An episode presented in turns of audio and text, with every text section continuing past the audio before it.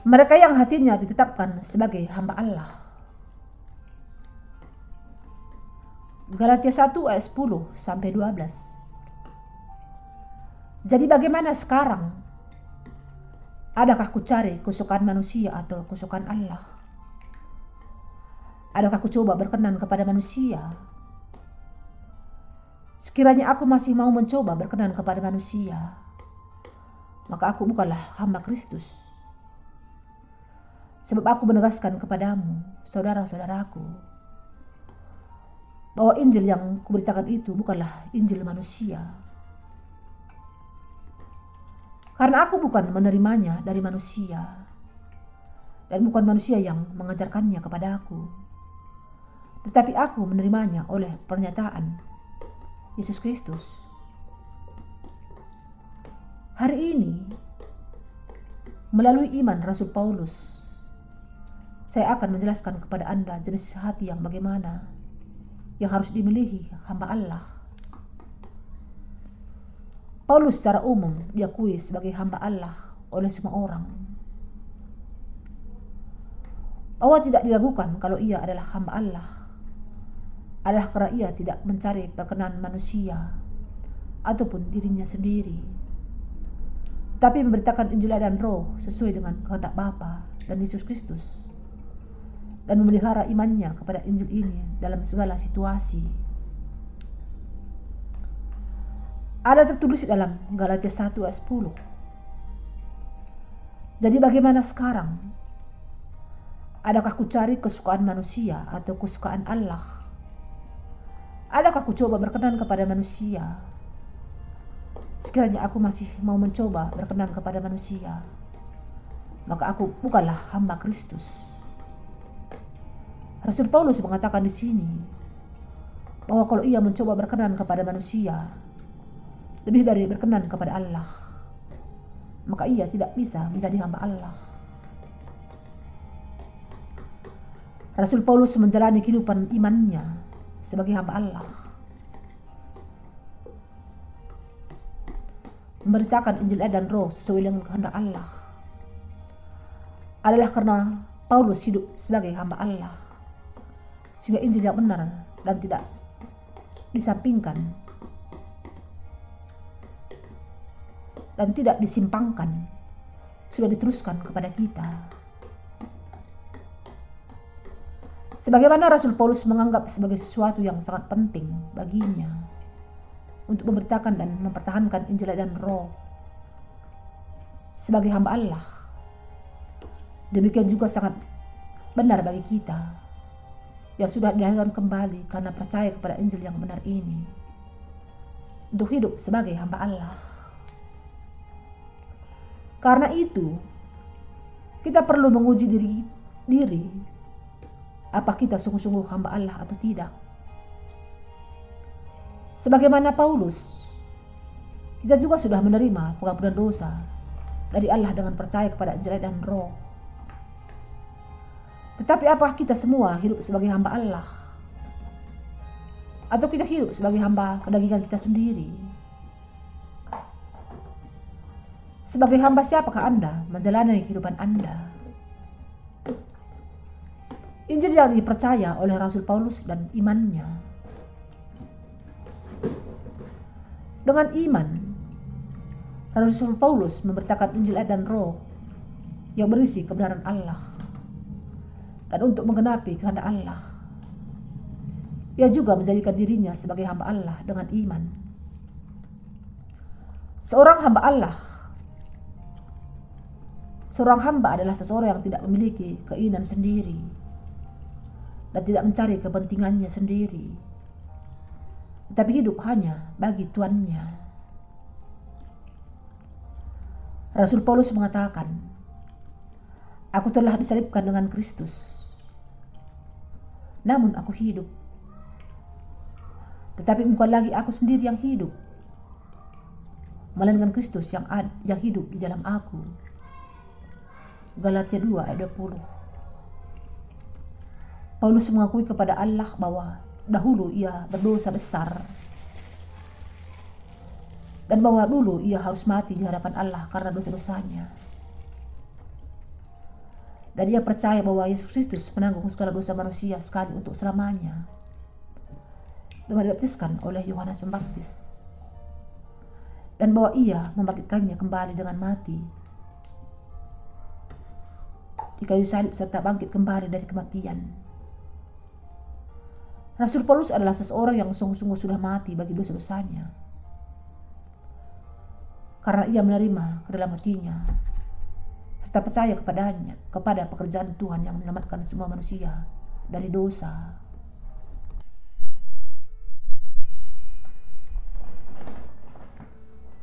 Ia su sudah menguburkan dirinya yang lama dan ia memberikan sisa hidupnya sebagai hamba Allah dan dengan serta setia melayaninya sehingga kehendak Allah akan digenapi. Aku sudah disalibkan dengan Kristus. Rasul Paulus mengatakan, Aku tidak disalibkan dengan Kristus, namun aku hidup. Tetapi bukan lagi aku sendiri yang hidup, melainkan Kristus yang hidup di dalam aku.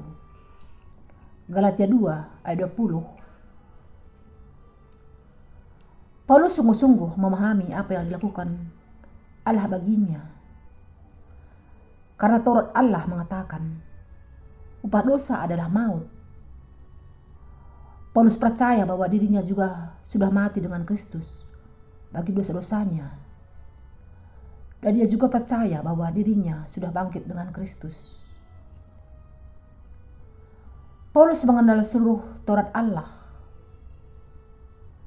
Karena Paulus percaya kepada firman bahwa Taurat membangkitkan murka Roma 4 ayat 15. Ia mengatakan, Ah, aku orang yang sangat berdosa di hadapan Allah. Karena aku lahir di dalam lahir dalam dosa. Aku berdosa ketika memandang atas dasar Taurat Allah. Inilah sebabnya aku menjadi orang berdosa. Ia mengaku karena aku orang berdosa di hadapan Taurat Allah. Sangat pantas aku mati bagi dosa-dosaku. Sesuai dengan Taurat Allah.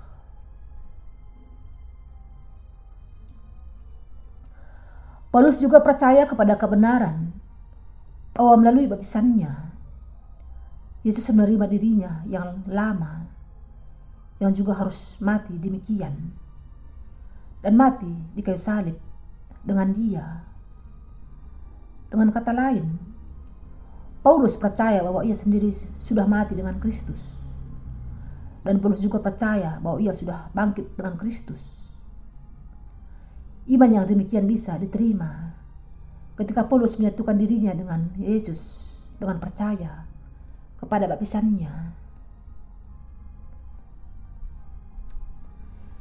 Iman Rasul Paulus ini adalah iman yang menuruti kebenaran yang sejati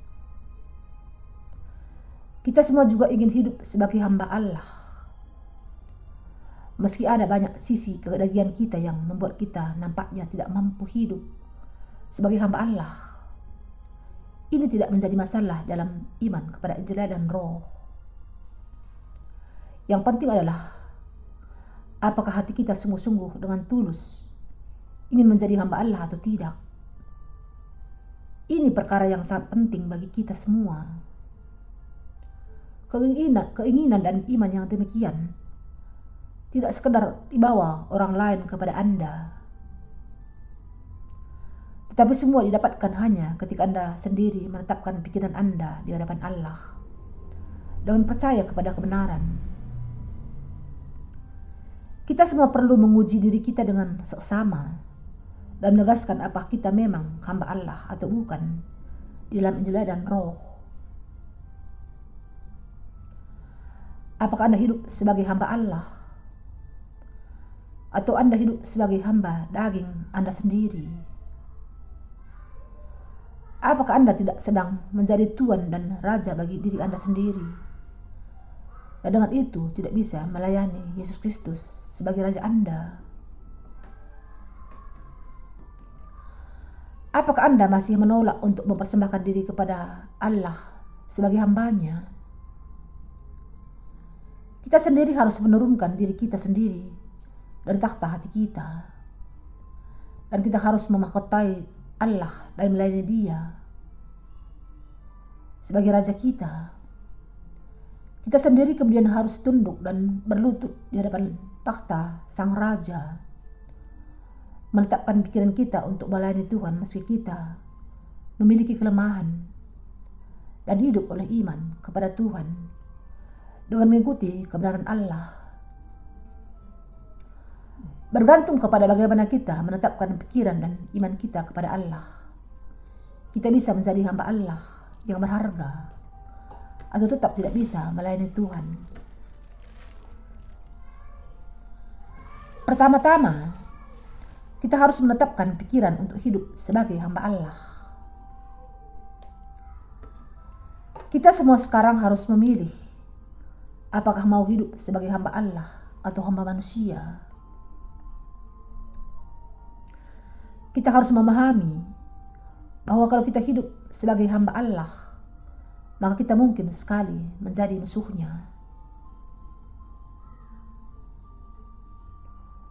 Sampai memakan waktu 10 tahun bagi saya, sejak pertama kali percaya sebelum kemudian saya menyadari akan kebenaran Injil dan Roh yang dinyatakan dalam Matius 3 ayat 13 sampai 17 dan menerima pengampunan dosa saya.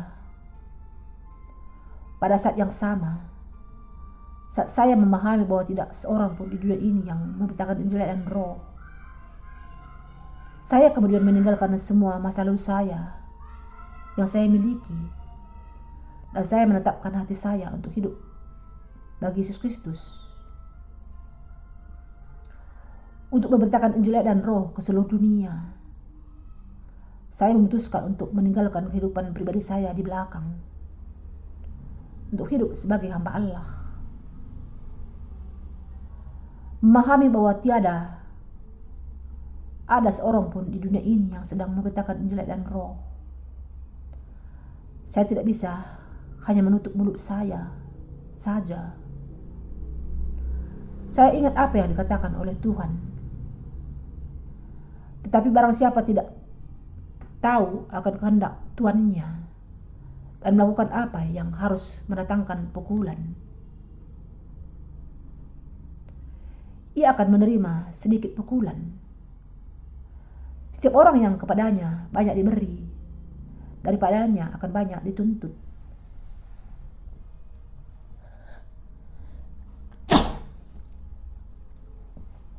Dan kepada siapa yang banyak dipercayakan, daripadanya akan lebih banyak lagi dituntut. Lukas 12 ayat 48. Jadi saya menetapkan pikiran saya untuk memberitakan Injil yang benar ini. Tetapi masalahnya saat itu saya tidak punya alat dan kekuatan. Karena itu saya berdoa kepada Allah. Allah Bapa, meski di sepanjang sejarah kekristenan sudah lebih dari 2000 tahun lamanya. Hanya sedikit orang di dunia ini yang sungguh-sungguh memberitakan Injil dan roh. Tuhan, meski saya tidak cakap, saya sungguh-sungguh memahami bahwa jalur Injil dan roh belum ditemukan di bagian dunia mana pun. Bapak, saya harus memberitakan Injil yang benar ini. Dan karena itu, tolonglah berikan saya kekuatan dan rekan untuk mencapai hal ini. Tuhan, berikan kepada saya kekuatan untuk memberitakan Injil dan Roh ke seluruh dunia. Saya meminta agar Engkau menguatkan saya. Tuhan, sehingga saya bisa menyebarkan iman kepadamu dan Injil kebenaran ini. Allah menjawab semua doa saya karena ia memang setia. Ia memberikan kepada saya rekan sekerja dan jemaatnya dan melengkapi saya dengan segala sesuatu sehingga saya bisa memberitakan Injil dan Roh ke seluruh dunia. Tuhan memampukan saya untuk menjalani kehidupan sebagai hamba-hamba kebenaran Allah. Sekarang, Injil yang saya dan rekan sekerja saya percayai dan beritakan adalah ini.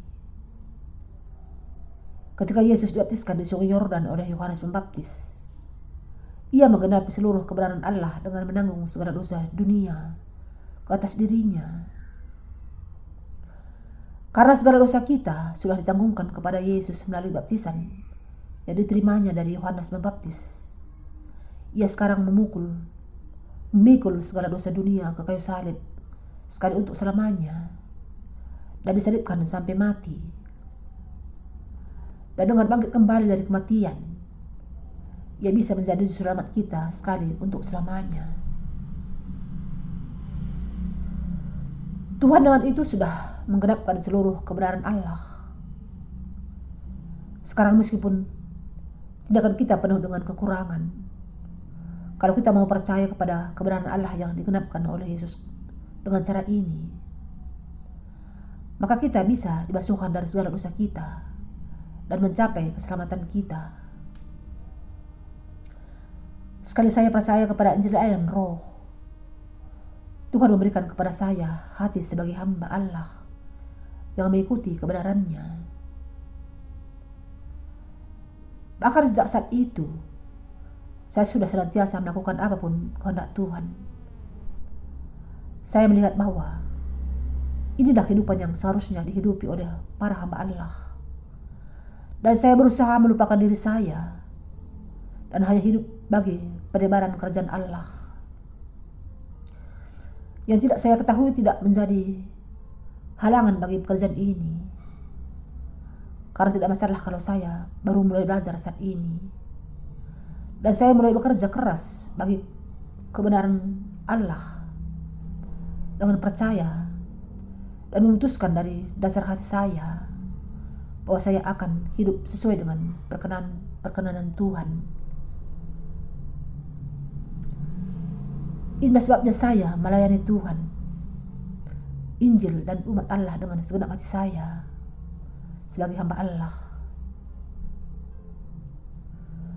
Tuhan ingin agar kita memberitakan Injil dan Roh ke seluruh dunia dengan menempatkan iman kita kepadanya. Saya tidak menganggap penginjilan dunia sebagai sesuatu yang sulit. Para hamba Allah hanya harus menemukan tugas yang tepat untuk para pekerja dan orang-orang kudus dan kalau orang-orang yang kepadanya dipercaya melakukan pekerjaan Allah, mendapati dirinya semakin tidak mampu. Yang harus mereka lakukan adalah untuk semakin percaya kepada Tuhan dan hidup oleh iman. Demikianlah kita bisa memberitakan Injil ke seluruh dunia melalui pelayanan literatur Kristen sampai hari ini. Sekarang, apa pun yang berkenan kepada Allah. Kita hanya perlu melayani Dia dengan iman. Ketika datang saatnya untuk percaya dan melayani Injil dan Roh, serta menjalani kehidupan sebagai hamba Allah. Yang harus kita lakukan hanyalah menjalani kehidupan dengan dasar apakah Tuhan akan berkenan kepada pekerjaan kita atau tidak. Kalau Tuhan berkenan kepada pekerjaan kita, maka saya akan terus melakukannya bersama rekan sekerja saya. Semua yang sudah dilakukan sampai hari ini dilakukan oleh Allah sendiri. Allah sajalah yang akan menguatkan kita dan bekerja melalui kita. Kita sekarang bekerja untuk memberitakan Injil dan Roh.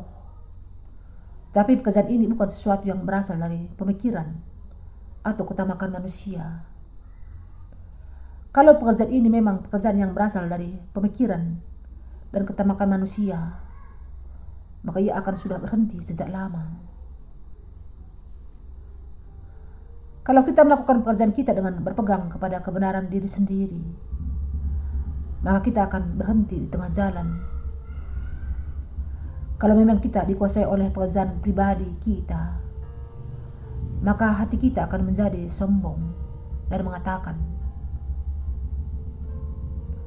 Kalau ada seseorang di mana pun di dunia ini yang sudah melakukan pekerjaan Allah sebanyak yang aku lakukan, biarlah ia maju ke depan. Juga, kalau demikian, kami tidak akan bisa hidup sekarang ini dalam iman kepada Tuhan.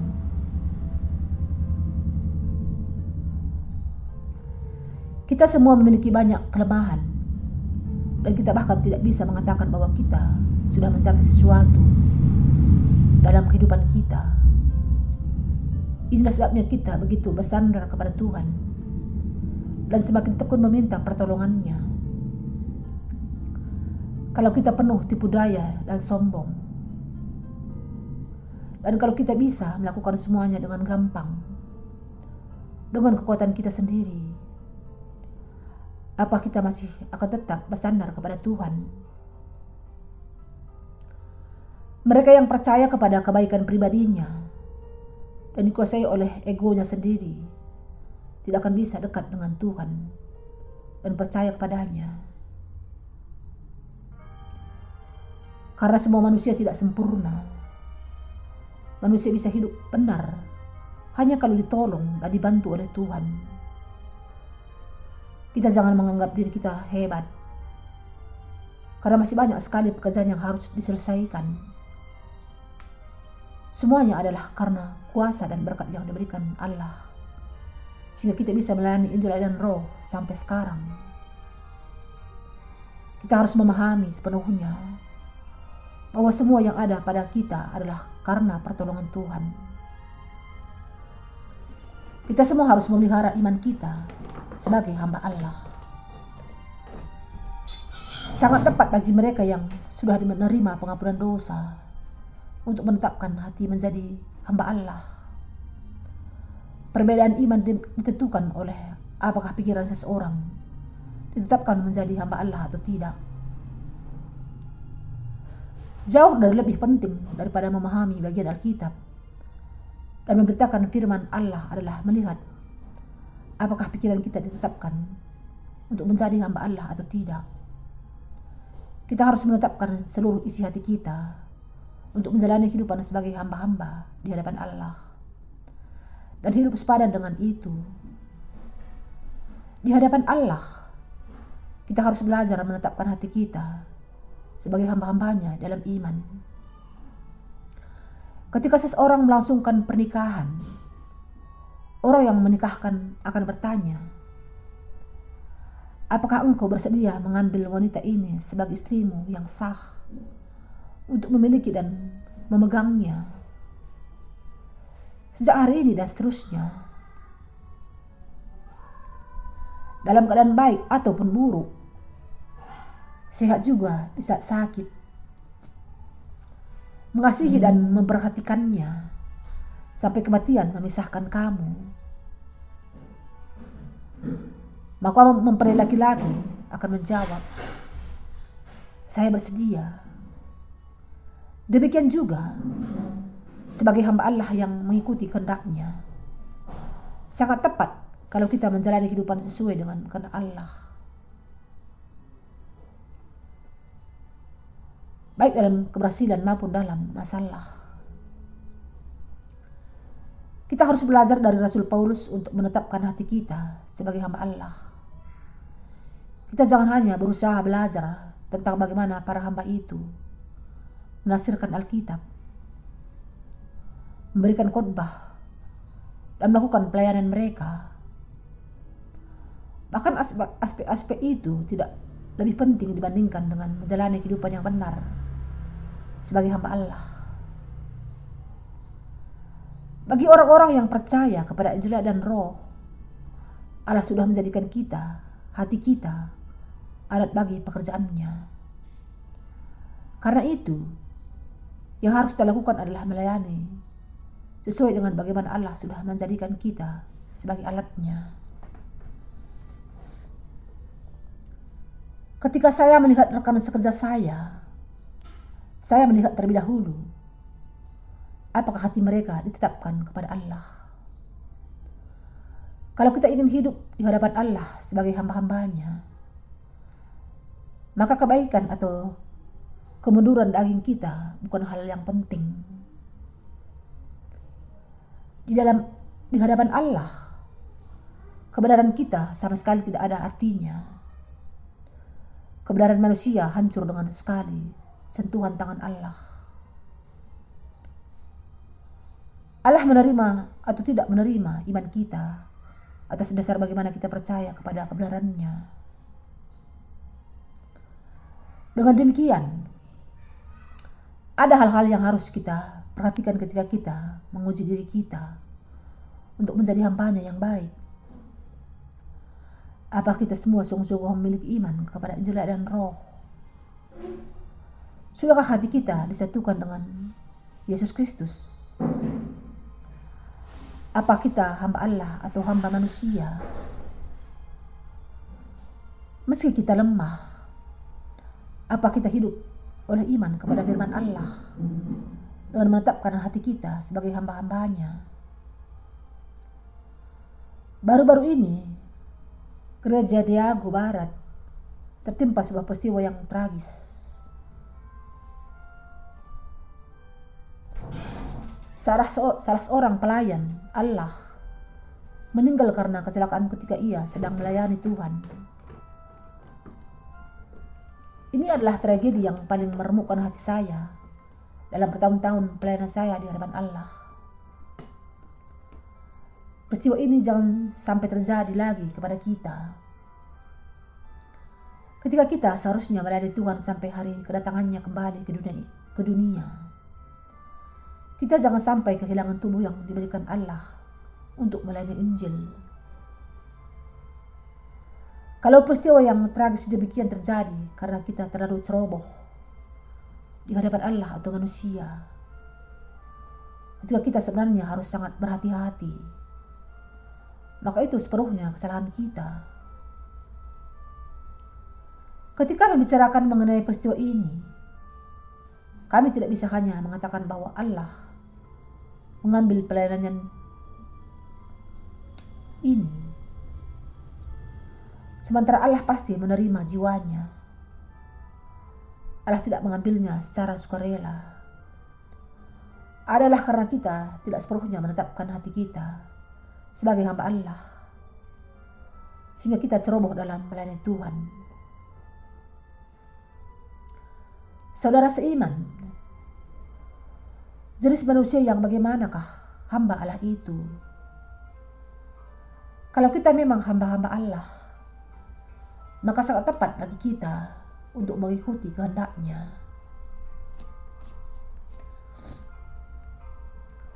Kalau beberapa di antara kita berhenti mengikuti Tuhan karena keadaan yang sulit, maka mereka tidak benar di hadapan Allah. Apakah orang-orang yang demikian itu para hamba Allah? Tidak, tentu saja tidak. Kalau kita sungguh-sungguh hamba Allah, maka sementara kita mungkin lemah dan tidak sempurna dalam setiap perilaku kita, kita masih akan berusaha untuk mengikuti kehendak Tuhan sampai akhirnya.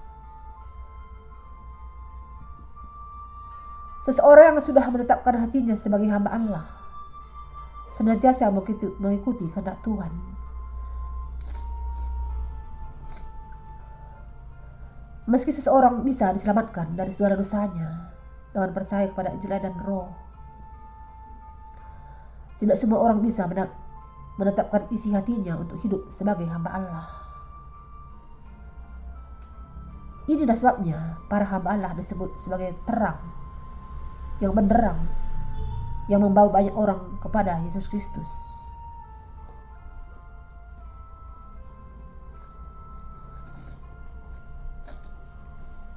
Ketika orang-orang kudus berhubungan dengan para pemimpin hamba mereka, kalau mereka, berpikir,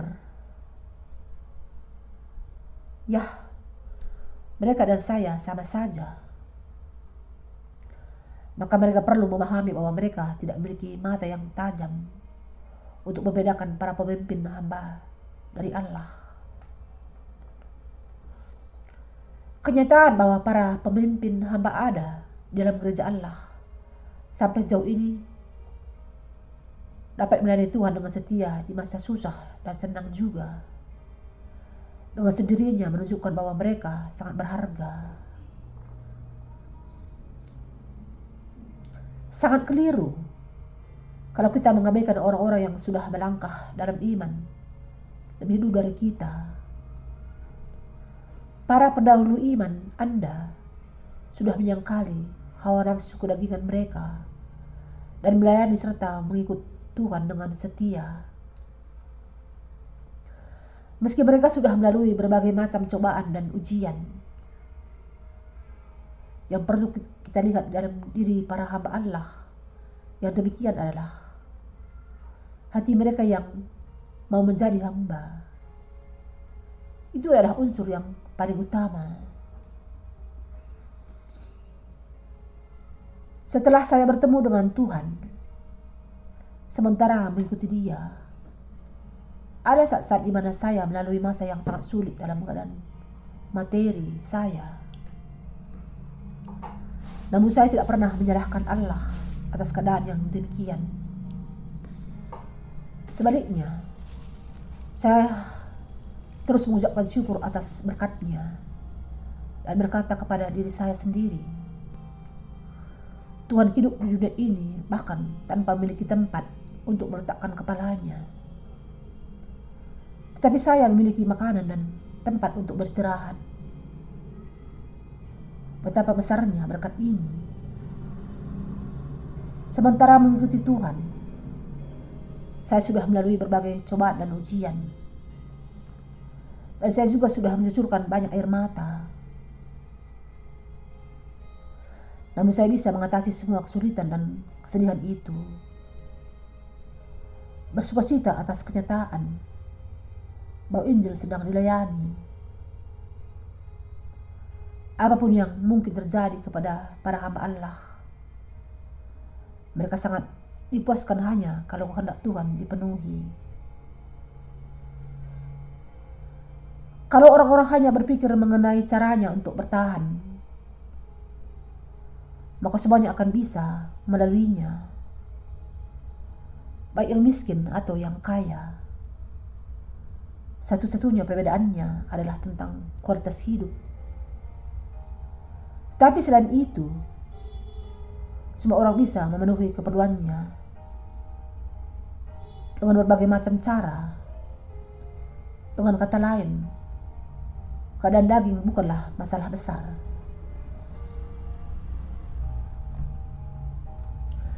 Kalau ada satu hal yang membuat hamba Allah marah, Allah ketika manusia menolak Injil dan tidak mau mempercayainya. Meski Allah sudah mengatakan bahwa barang siapa yang lapar dan haus akan akan kebenaran akan diberkati. Orang-orang itu masih tidak lapar dan haus akan kebenaran Allah. Dan inilah sebabnya para hamba Allah menjadi marah dalam kekudusan. Dan ini bukan karena ada orang-orang yang tidak bisa mendapatkan makanan tubuhnya yang membuat mereka mengalami masa yang sulit. Tetapi karena mereka tidak bisa membawa dirinya untuk berjalan dalam iman, di dalam kebenaran Allah. Ketika dalam kenyataan, yang harus mereka lakukan hanyalah percaya kepada kebenaran Allah ini. Saya mendorong Anda, semua pelayan dan istri mereka juga, untuk memiliki iman sebagai hamba Allah dan untuk hidup dalam ketetapan dalam hati mereka. Kita mau siap untuk hidup demikian. Tetapi saya mendorong Anda sekali lagi untuk terus menjalani kehidupan Anda sebagai hamba Allah yang layak. Yang harus kita ingat adalah bahwa sangat penting bagi kita untuk menetapkan iman kita dan hati kita sebagai hamba Allah di dalam kehidupan kita. Biar bagaimanapun hasil pelayanan kita, baik atau buruk, yang harus kita lakukan hanyalah hidup sesuai dengan kebenaran Allah. Inilah iman yang benar. Sekarang kita memberitakan Injil dan Roh ke seluruh dunia. dari mana datangnya Injil ini. Rasul Paulus mengatakan dalam Galatia 1 ayat 11 sampai 12.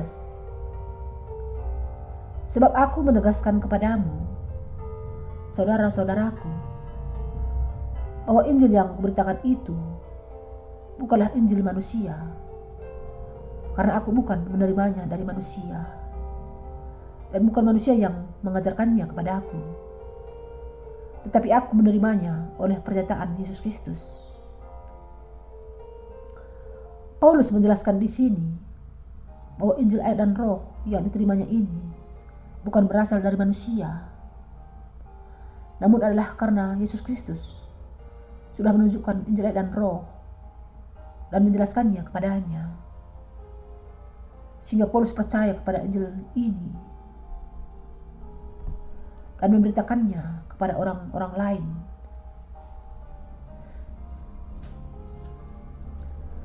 Ketika kami memberitakan Injil dan Roh ke seluruh dunia, ada beberapa orang bertanya, apakah Injil ini doktrin khusus untuk denominasi Anda saja? Apa dasar Alkitab untuk Injil ini? Orang-orang ini berpikir bahwa Injil dan Roh mungkin asalnya dari manusia. Tetapi sama sekali bukan demikian. Injil air dan roh bukanlah Injil buatan manusia. Injil air dan roh adalah Injil yang Alkitabiah. 1 Korintus 15 ayat 3 sampai 4. Dan inilah Injil yang menggenapkan rancangan keselamatan dari Allah yang digenapkan di dalam Yesus Kristus. Bahkan sebelum dasar bumi diletakkan.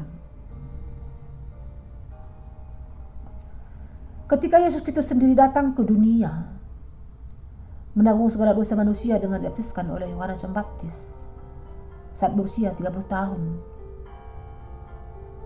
Mati di kayu salib, bangkit kembali dari kematian, dan dengan itu sudah menyelamatkan kita. Bagaimana mungkin Injil ini bisa dibandingkan dengan doa pertobatan buatan manusia? Dengan membuta firman-Nya, Allah memampukan kita untuk memahami kebenaran Injil dan Roh. Dan sekarang, setelah diselamatkan dari segala dosa kita, dengan percaya kepada Injil ini, kita bisa memberitakannya kepada semua orang lain. Injil dan roh yang kita percayai datangnya dari Allah sendiri. Bukankah ini yang Anda percayai?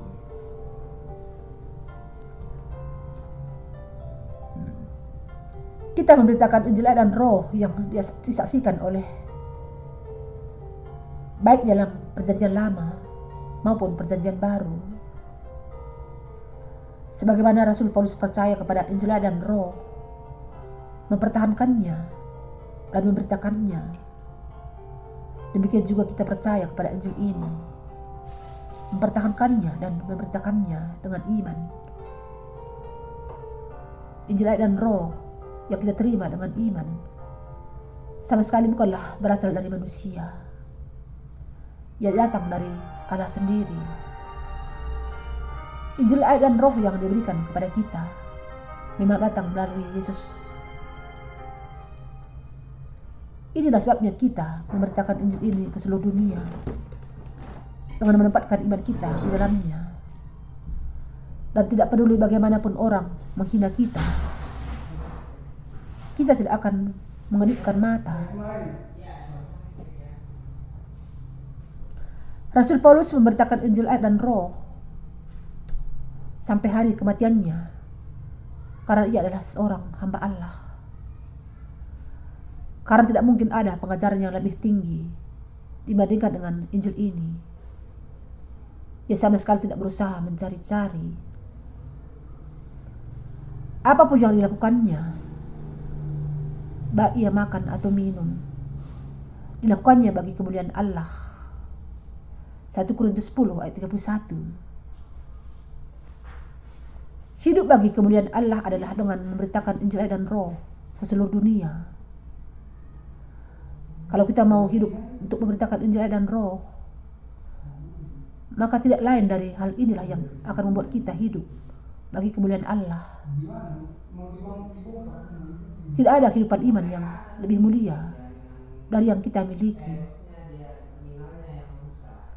Apakah sekarang Anda hamba Allah? Rasul Paulus adalah seorang hamba Allah. Adalah saya juga adalah hamba Allah. Kalau Anda dan saya memang menjadi hamba Allah dengan percaya kepada Injil dan Roh, maka kita kemudian akan setia dalam pekerjaan yang diberikan kepada kita. Saya baru-baru ini mendengar bahwa ada pengerja yang tidak merasa puas di dalam hatinya dan mengatakan, saya sudah begitu setia kepada oh, kalau saya diberi tanggung jawab sebagai gembala jemaat. Tapi sayangnya sampai sekarang saya belum diberi tanggung jawab itu. Dan bahwa itu bahwa ia justru mengabaikan pelayanannya sekarang sebagai gembala pembantu. Kalau tugasnya bukan menjadi gembala jemaat, apakah ini berarti bahwa apa yang sekarang dipercayakan kepadanya itu tidak penting dan rendah? Tidak. Saya tidak merasa demikian. Apa saja yang diberikan Allah untuk kita lakukan melalui gerejanya adalah berharga. Saya tidak membeda-bedakan orang berdasarkan penugasan sebagai gembala jemaat atau gembala pembantu. Tidak seorang pun yang lebih rendah dibandingkan dengan yang lainnya. Dan tidak ada yang lebih mulia dibandingkan dengan orang lain di dalam gereja Allah. Inilah sebabnya sangat menyedihkan hati saya untuk melihat bahwa ada orang yang tidak menghargai penugasan yang ditanggungnya. Sudah cukup sulit untuk menggenapi semua yang dipercayakan kepada kita. Bahkan ketika kita menempatkan iman kepada Tuhan. Bagaimana mungkin kita bisa meninggikan hati kita demikian? Semua keinginan itu muncul dari keinginan untuk mendapatkan kemuliaan pribadi. Betapa berharganya bagi kita untuk percaya mengenai Injil air dan roh bukan. Ketika kita melakukan pekerjaan Allah, menyerahkan seluruh hati kita kepadanya setiap kali ada penugasan di lapangan. Artinya harus dihargai bagi kita untuk memberitakan firman Allah itu sendiri adalah sebuah karya yang berharga. Memang, semua yang kita lakukan untuk memberitakan Injil dan Roh harus dikembangkan. Kalau Allah mempercayakan kepada saya beberapa pekerjaan lain, selain dari memberitakan firman-Nya, maka saya juga akan menyerahkan hidup saya untuk melakukan pekerjaan ini juga. Seorang hamba Allah adalah seseorang yang ketika dipercaya melakukan suatu tugas dari Tuhan. Setia kepada pekerjaan itu. Apa pun yang dilakukan hamba Allah, apakah mereka makan atau minum, mereka melakukan semuanya bagi kemuliaan Allah. Dan dengan melihat hal ini, bagaimana mungkin ada perbedaan? Pembedaan perlakuan atas dasar apa yang mereka lakukan Apakah hanya ketika kita melakukan sesuatu yang mulia saja, kemudian kita menjadi hamba Allah, dan bukan ketika kita melakukan apa yang dianggap manusia sebagai sesuatu yang sepele. Kemudian, siapakah yang menetapkan patokan untuk membeda-bedakan pekerjaan yang mulia dengan yang sepele? Dalam pandangan Allah, ketika kita setia melakukan apa yang Allah percayakan kepada kita, maka itu sendiri merupakan sesuatu yang berarti.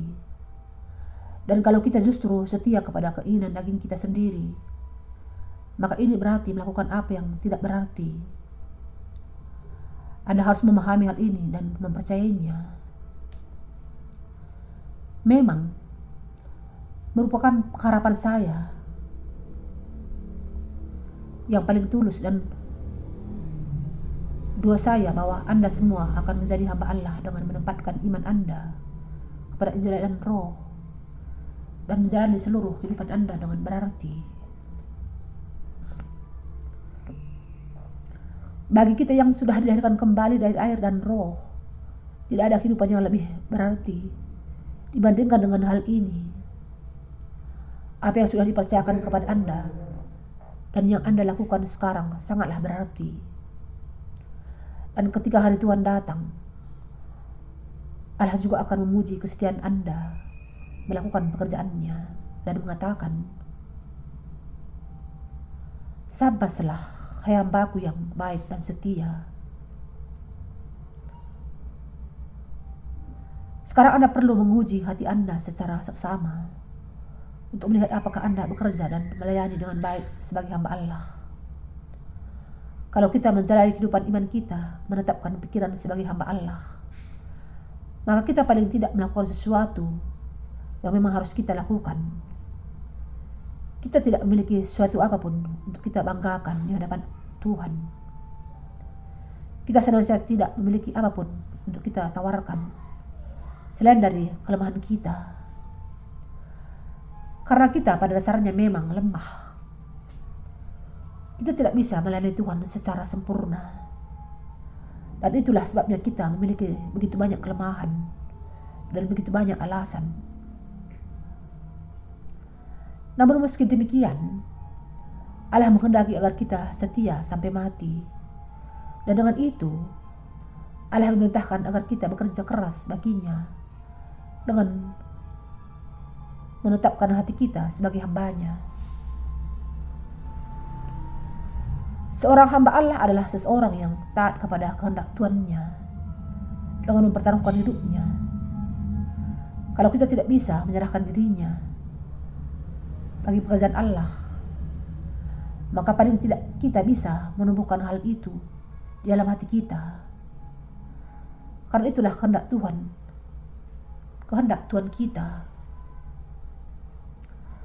Hamba Allah harus memiliki jenis iman yang menumbuhkan apa yang sudah dipercayakan Tuannya, yaitu Allah kepada an, kepada mereka.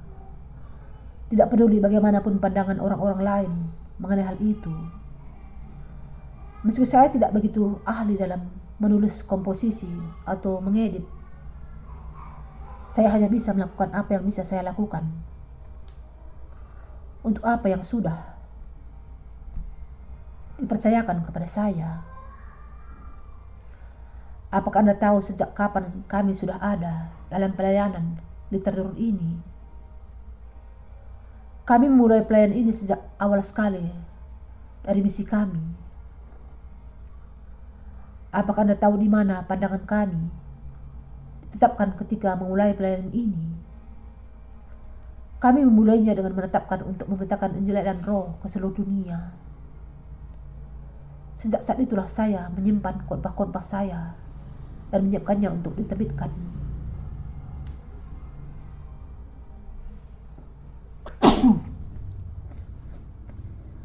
Mengantisipasi bahwa kami akan memberitakan Injil dan menumbuhkan orang-orang yang dilahirkan kembali di seluruh dunia melalui literatur dan harapan saya terpenuhi.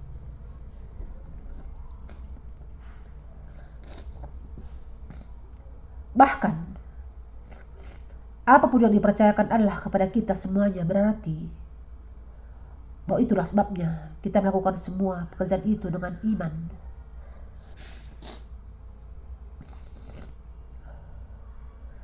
Tentu saja ada dari saya lah yang melayani Injil dan roh adalah sedang melakukan pekerjaan yang paling berarti di dunia ini.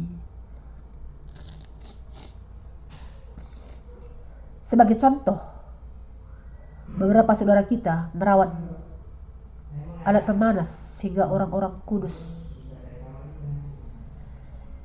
Allah bisa melakukan penyembahan dengan hangat.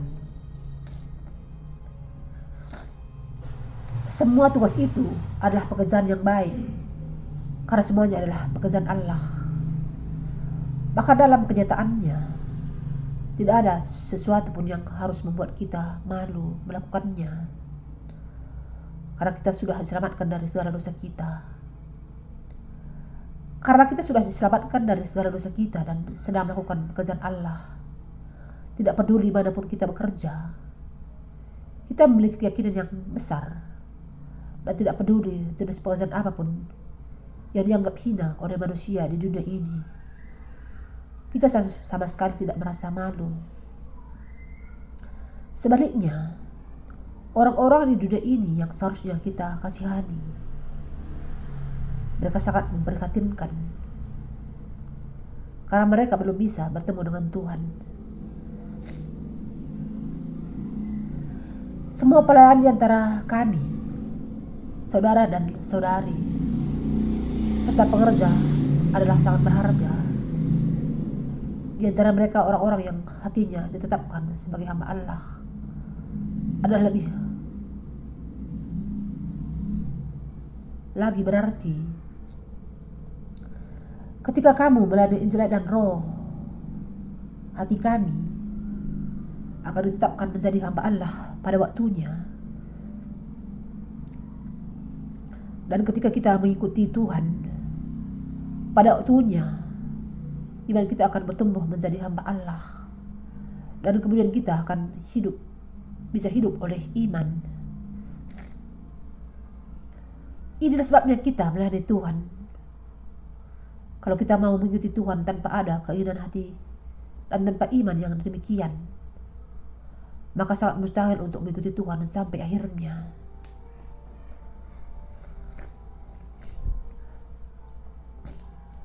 Tanpa iman, tidak mudah untuk melayani Tuhan dalam ketaatan di dalam gerejanya. Ketika gereja memutuskan Anda untuk melakukan sebuah tugas, kebijakannya mungkin sering kali berubah dan juga tidak jarang tugas Anda akan dibatalkan bahkan setelah Anda bekerja keras melakukannya. Jadi dalam keadaan yang demikian, kalau Anda tidak bekerja dengan iman, saya bisa sepenuhnya melihat alasan Anda menjadi marah dan tidak bisa taat sampai akhirnya. Namun karena Anda adalah hamba Allah sehingga Anda bisa membuat semua pemikiran pemberontakan yang demikian dan tunduk kepada kehendak Tuhan. sebagaimana Rasul Paulus sudah menjalani kehidupannya dengan hati dan iman yang iman sebagaimana sebagai seorang hamba Allah adalah pengharapan saya yang tulus bahwa Allah juga akan memberikan kepada kita hati yang sama sebagai hambanya. Ketika saya memandang kepada para pengerja, saudara dan saudari, Hati mereka lah yang saya perhatikan. Saya kemudian bisa mengenal keadaan hatinya tanpa harus berbicara secara panjang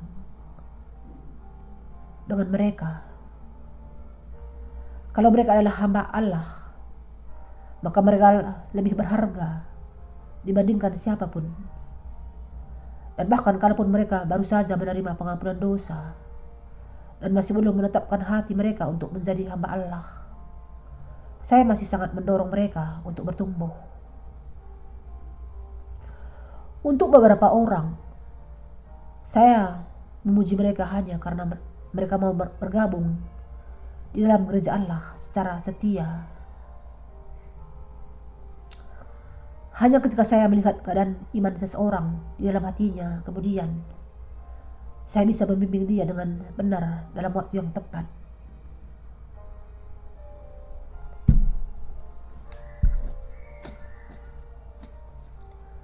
Kita semua harus menghargai keinginan hati Rasul Paulus. Kalau kita mencari perkenanan manusia, maka ini berarti bahwa kita bukanlah hamba Allah. Dan kita harus memahami apakah kehendak Allah, kehendak hati Allah. Siapakah yang di, diusahakan untuk berkenan bagi hamba Allah? ia harus berusaha memperkenankan tidak lain dari Allah sendiri. Barang, barang siapa memperkenankan Allah adalah hamba Allah yang benar. Di dalam gereja Allah ada beberapa aturan iman. Ketika masing-masing kita saling menundukkan diri kepada sesama dalam aturan iman, di dalam gereja Allah, maka ini tidak ada hubungannya dengan seberapa tua usia kita dalam jasmani kita. Paulus mengatakan kepada Timotius, Jangan seorang pun menganggap engkau rendah karena engkau muda. 1 Timotius 4 ayat 12 Biar bagaimanapun tuanya atau mudanya pendahulu iman Anda, kalau Anda percaya bahwa Tuhan bekerja melalui mereka, dan dengan itu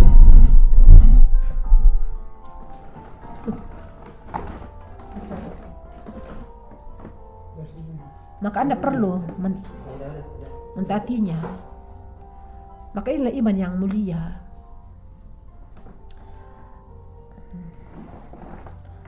Adalah dengan iman di hati kita bahwa kita harus menghadap Allah. Adalah dengan iman kita harus bekerja. Dengan iman kita memperlakukan saudara dan saudari kita. Dan adalah dengan iman kita harus berhubungan dengan para hamba Allah pria mana pun, pria maupun wanita. Kalau tidak demikian, maka kita adalah munafik. Memang, ketika kita memperlakukan sesama dengan iman, kita tidak akan pernah sendiri, tapi kita adalah satu keluarga di dalam Allah. Para hamba Allah bersuka cita untuk melihat Injil diberitakan dan mereka mencari kepentingan kerajaan Allah. Kalau kita sungguh-sungguh percaya kepada Injil dan Roh dan ingin memberitakan Injil ini, maka kita memang akan hidup dengan hati yang ditetapkan sebagai hamba Allah. Dan kalau kita sungguh-sungguh sudah menetapkan hati kita sebagai hamba Allah, maka kita perlu dan kasih mengabaikan kejadian-kejadian yang kecil yang kurang menguntungkan di dalam gereja Allah. Kalau ini yang berguna bagi pekerjaan Allah, maka kita harus melakukannya dengan iman.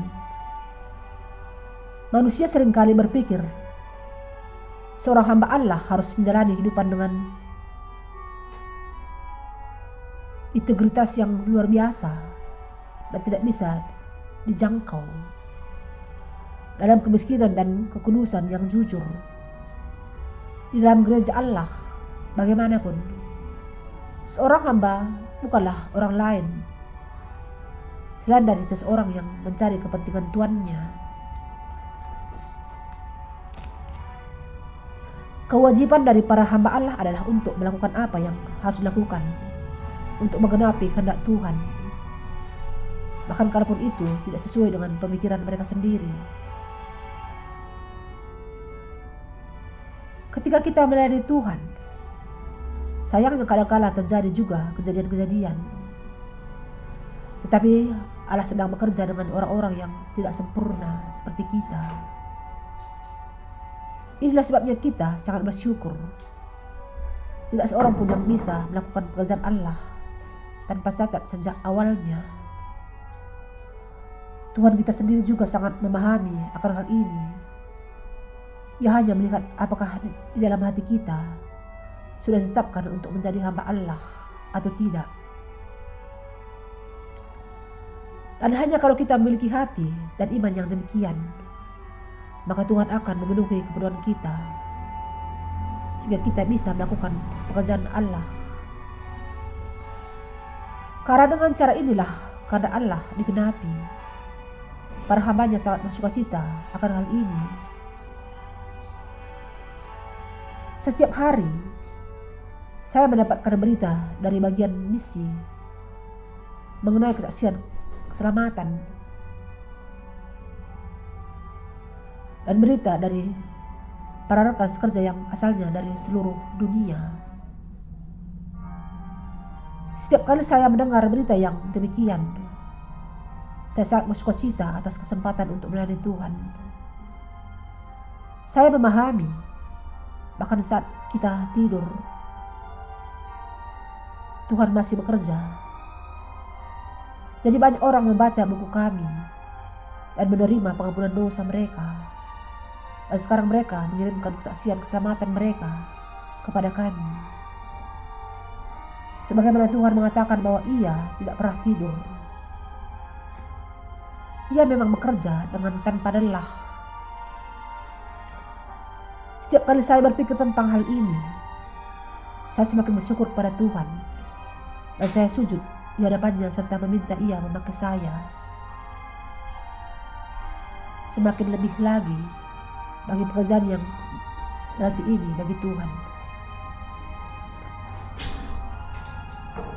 Kadangkala kita bersyukur karena membuat kita menghasilkan lebih banyak buah daripada yang kita usahakan. Meski dari waktu ke waktu kita mendapati diri kita bergumul kita menerima berkat yang jauh lebih banyak daripada yang kita layani. Dan inilah sebabnya kita semakin bersyukur dengan tak terkatakan. Seorang hamba adalah seseorang yang mencari kepentingan tuannya, bukan kepentingannya sendiri. Anda dan saya harus menetapkan hati kita sebagai hamba Allah.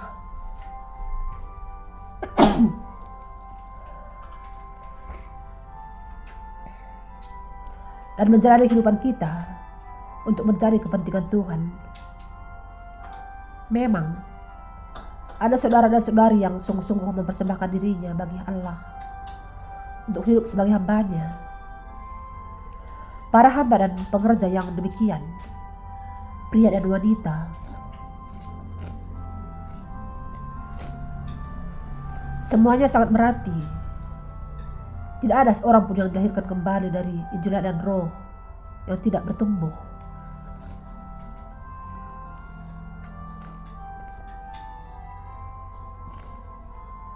Mereka semua sangat berarti karena mereka adalah para saudara dan saudari, para pengerja kerajaan Allah, dan anggota tubuh Kristus. Barang siapa yang hanya membanggakan diri seperti ikan besar di, di kolam kecil adalah seseorang yang tidak memahami bagaimana hati seorang hamba Allah itu seharusnya ditempatkan. Para pekerja kami kadangkala berkumpul dan kemudian meminta nasihat dari pemimpin gereja yang senior dengan mengatakan, ini yang terjadi di gereja saya. Apa yang harus saya lakukan? Kami juga berbicara mengenai penginjilan dunia dan membagikan tugas yang diputuskan di antara kami juga. Kenyataan bahwa saya dipercaya dengan sebuah tugas, apa pun itu, sebenarnya sudah merupakan sesuatu yang layak disyukuri. Semua hal itu dilakukan dengan cara yang paling tepat dan baik untuk melayani Injil. Tidak peduli apa pun yang terjadi kepada kita. Yang paling penting adalah bagaimana menemukan cara yang paling cocok untuk melayani Injil. Kerajaan Allah senantiasa memandang ke depan, memberikan visi, dan menetapkan apa yang paling tepat untuk dilakukan.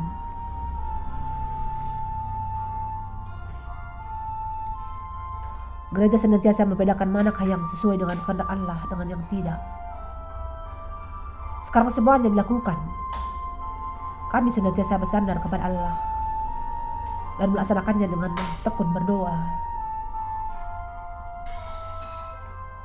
Kalau para hamba Allah terlalu terikat kepada harta materi,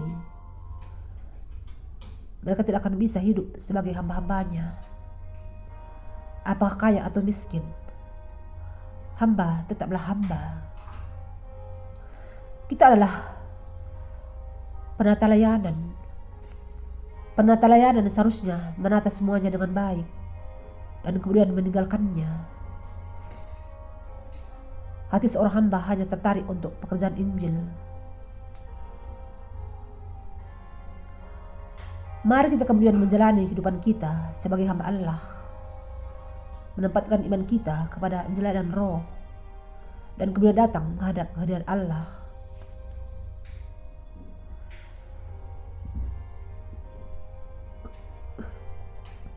Saya memiliki keyakinan bahwa sebagaimanapun Anda sudah menjalani kehidupan dengan iman sampai hari ini, Anda akan meneruskan untuk hidup oleh iman sampai ke masa yang akan datang. Di zaman yang akan datang, kita jangan kehilangan ketetapan kita sebagai hamba Allah dan jangan hanya mencari kesejahtera kesejahteraan dan kemuliaan diri kita sendiri. Tetapi kita harus mendedikasikan diri kita hanya bagi pekerjaan Allah dan menjalani kehidupan iman kita sepenuhnya bagi kebenarannya. Hanya dengan itu kita bisa berjalan dengan Kristus dan menjalani kehidupan yang bersatu dengannya.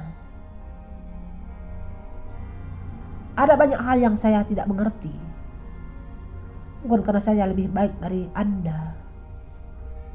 Sehingga saya menasihati menasihatkan ini kepada Anda. Namun, ini karena Allah sudah memanggil Anda sebagai hamba-hambanya dan mempersiapkan Anda untuk melakukan pekerjaannya. Sehingga saya bisa mengatakan semuanya ini. Saya yakin bahwa Anda akan dengan setia memenuhi tugas yang sudah diberikan kepada Anda.